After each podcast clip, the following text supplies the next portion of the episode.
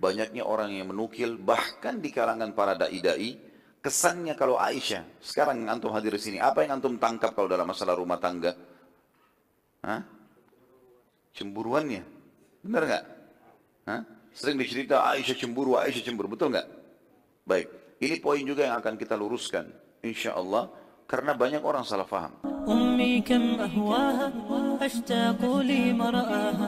أمي كم أهواها أشتاق لي مرآها وأحن لي ألقاها وأقبل يمناها Mereka tidak mempertemukan antara riwayat-riwayat cemburunya Aisyah radhiyallahu anha dengan riwayat-riwayat di mana beliau tidak cemburu, bahkan beliau sangat dekat dengan para madunya, gitu kan?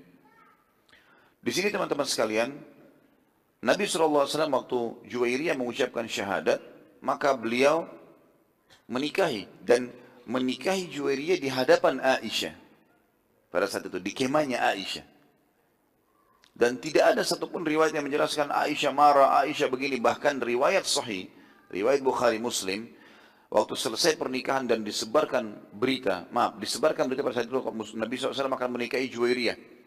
Maka seluruh ya, sahabat kumpul di dekat kemah Nabi SAW untuk mengucapkan doa dan selamat. Sebagaimana kita sudah dalam Islam, kalau saudara kita muslim menikah, kita datangin, lalu kita ucapkan, ucapkan doa. ya Barakallahu lakuma babaraka alaikum wa jama'a bainakuma fil khair. Ya.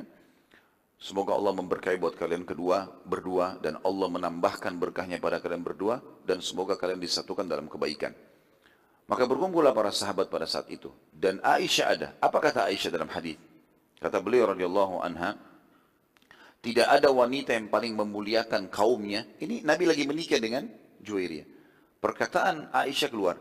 Tidak ada wanita yang paling memuliakan kaumnya melebihi Juwairiyah. Apa alasannya kira-kira? Ternyata waktu Nabi SAW menikahi Juwairiyah, sahabat pada lihat, Juwairiyah anak kepala suku. Seluruh suku Juwairiyah itu, ya suku Mustalik waktu itu jadi tawanan perang. Artinya jadi budaknya sahabat. Tapi Para sahabat waktu melihat kejadian Nabi SAW menikahi Juwairiyah, mereka semua sepakat mengatakan untuk menghormati kedudukan Nabi SAW, kami bebaskan seluruh suku Mustalik. Nggak ada lagi budak. Jadi yang pegang harta rampasan perang dari individu, ya orang-orang e, Mustalik, maka tuannya, ya Muslim-Muslim mengatakan, bebaskan kamu karena Allah. Dan ini untuk penghormatan Nabi alaihi salatu wassalam. Maka kata Aisyah, tidak ada wanita yang paling memuliakan kaumnya melebihi Juwairiyah karena semua kaumnya terbebaskan dari keterbudakan justru karena perbuatan dia. Ini semua bukti teman-teman sekalian kalau para istri Nabi SAW mereka saling memuji dan menghormati dan bukan seperti yang banyak dinukil terutama tentang Aisyah radhiyallahu anha seakan-akan beliau adalah yang dikenang hanya kecemburuannya. Ada beberapa riwayat yang menyebutkan tentang cemburu Aisyah.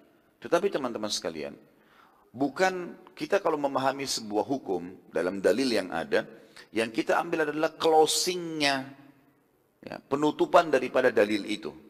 Hukumnya apa? Jadi jangan sampai antum membaca riwayat, bacanya setengah-setengah. Bisa saja riwayat itu terhapus hukumnya dengan riwayat yang datang setelahnya. Ya. Atau memang yang sedang dititik beratkan adalah pesan terakhirnya. Ya. Itu penting sekali. Banyak orang mengambil sepotong-sepotong hadis. Misal contoh, cemburunya Aisyah dengan Khadijah radhiyallahu anhunna ajma'in. Satu waktu pernah Nabi SAW mendengar suara dua orang wanita mengucapkan salam di hadapan rumah beliau. Maka Nabi SAW buru-buru berdiri karena suara ini tidak asing. Maka dibukalah pintu lalu Nabi SAW menyambut dengan sangat hangat kedua wanita tersebut. Sudah berumur, sudah sepuh wanita ini dua-duanya. Lebih tua dari Nabi SAW. Maka Nabi pun berkata kepada Aisyah, wahai Aisyah, hormatilah tamu ini, layani. Aisyah pun radhiyallahu anha tahu hukum syar'i, hukum agama. Kalau ada tamu teman-teman datang ke rumah, maka tugas kita adalah melayani. Nggak ada yang lain. Jadi nggak usah tanya kenapa datang. Ya. Keluarkan makanan, keluarkan minuman. Banyak orang di antara kita masih depan pagar. Kenapa ya? Hmm. Ini bakhil. Pelit. Kalau ada orang salam, Assalamualaikum, Waalaikumsalam, silakan masuk, duduk. Tidak usah tanya kenapa datang. Ambil makanan, ambil minuman. Bahkan tradisi yang diajarkan dalam agama kita tidak bertanya lagi mau makan apa, mau minum apa. Apa yang ada keluarin. Gitu kan? bertanya mau minum apa, ini kadang-kadang membuat orang jadi serba salah. Baik tuan rumahnya, kalau dia minta minuman yang tidak ada bagaimana? Hah?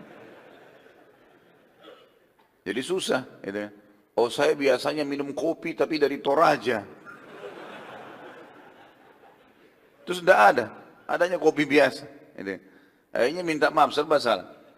Baik, keluarkan apa yang ada gitu kan. Kalau kita punya minuman hangat, minuman dingin, kita keluarin dua-duanya nanti dia pilih. Tidak ada masalah.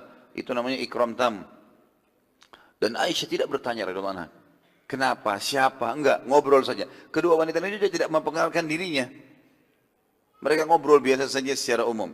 Setelah selesai pulang, maka berkata Aisyah ya Rasulullah radhiyallahu anha.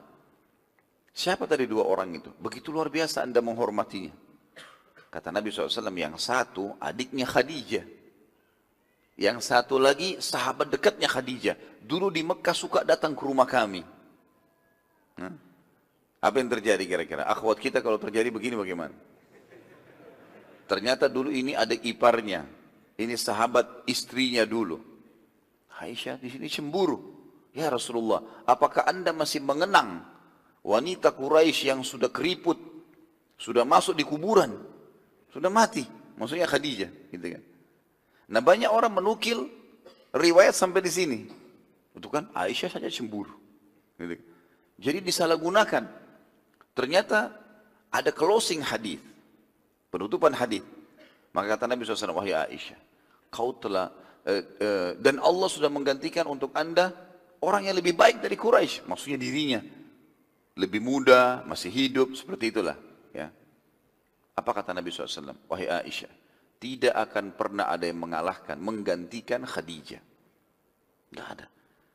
Dia beriman kepadaku di saat manusia masih belum beriman. Poin. Artinya bahasa langsungnya, kamu nggak punya itu. Yang kedua, dia menolong dakwah ini, agama ini dengan hartanya. Di awal-awal Islam di Mekah masih susah Islam itu. Khadijah menghabiskan hartanya untuk agama ini. Yang ketiga, Allah mengaruniakan aku anak darinya. Ada enam orang anak dari Khadijah. Gitu kan? Di akhwat kita kalau nikah sama duda misalnya, kemudian dia lagi hidangkan makan, lalu mungkin mungkin suaminya bilang, dulu saya pernah mak kalau saya dulu waktu di rumah tangga saya yang pertama saya pernah makan begini caranya. Jangan tersinggung. Itu kan masa lalunya orang. Dia bisa menceritakannya.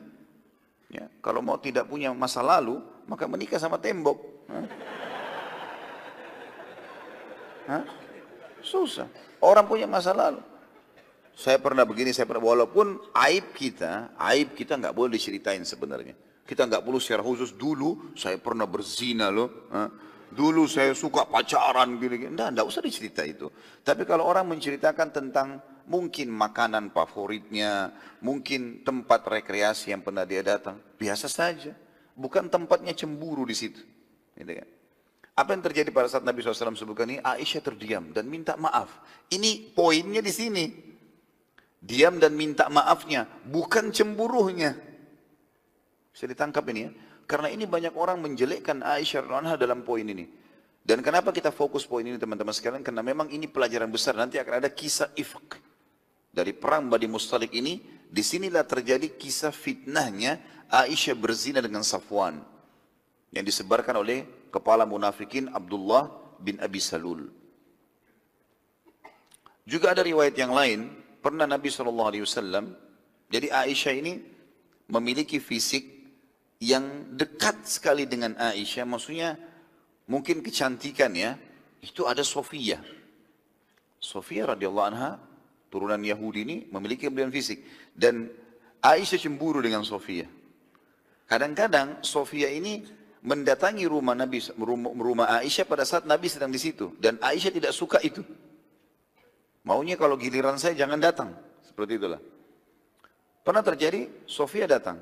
Niatnya baik membawa makanan supaya Nabi sama Aisyah makan. Tapi Aisyah salah faham rupanya.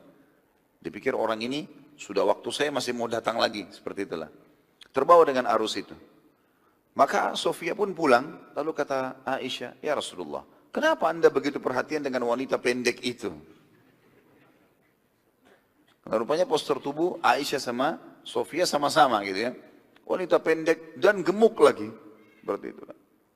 Maka kata Nabi SAW, ini banyak diangkat bahkan oleh para dai kita. Dulu Aisyah cemburu sama Sofia gitu. Tapi tidak menutup, tidak menutup dengan closing hadis. Targetnya, hukumnya di situ. Kata Nabi SAW, wahai Aisyah, sungguh kau telah mengucapkan kalimat, kalau ditaruh kalimatmu itu di lautan, ngerusak lautan itu. Artinya apa? Dosamu besar sekali mengucapkan kalimat itu. Apa yang terjadi? Aisyah minta maaf. Ini poinnya adalah Aisyah minta maaf. Artinya hukum rentetan cemburu seperti ini nggak boleh. Gitu.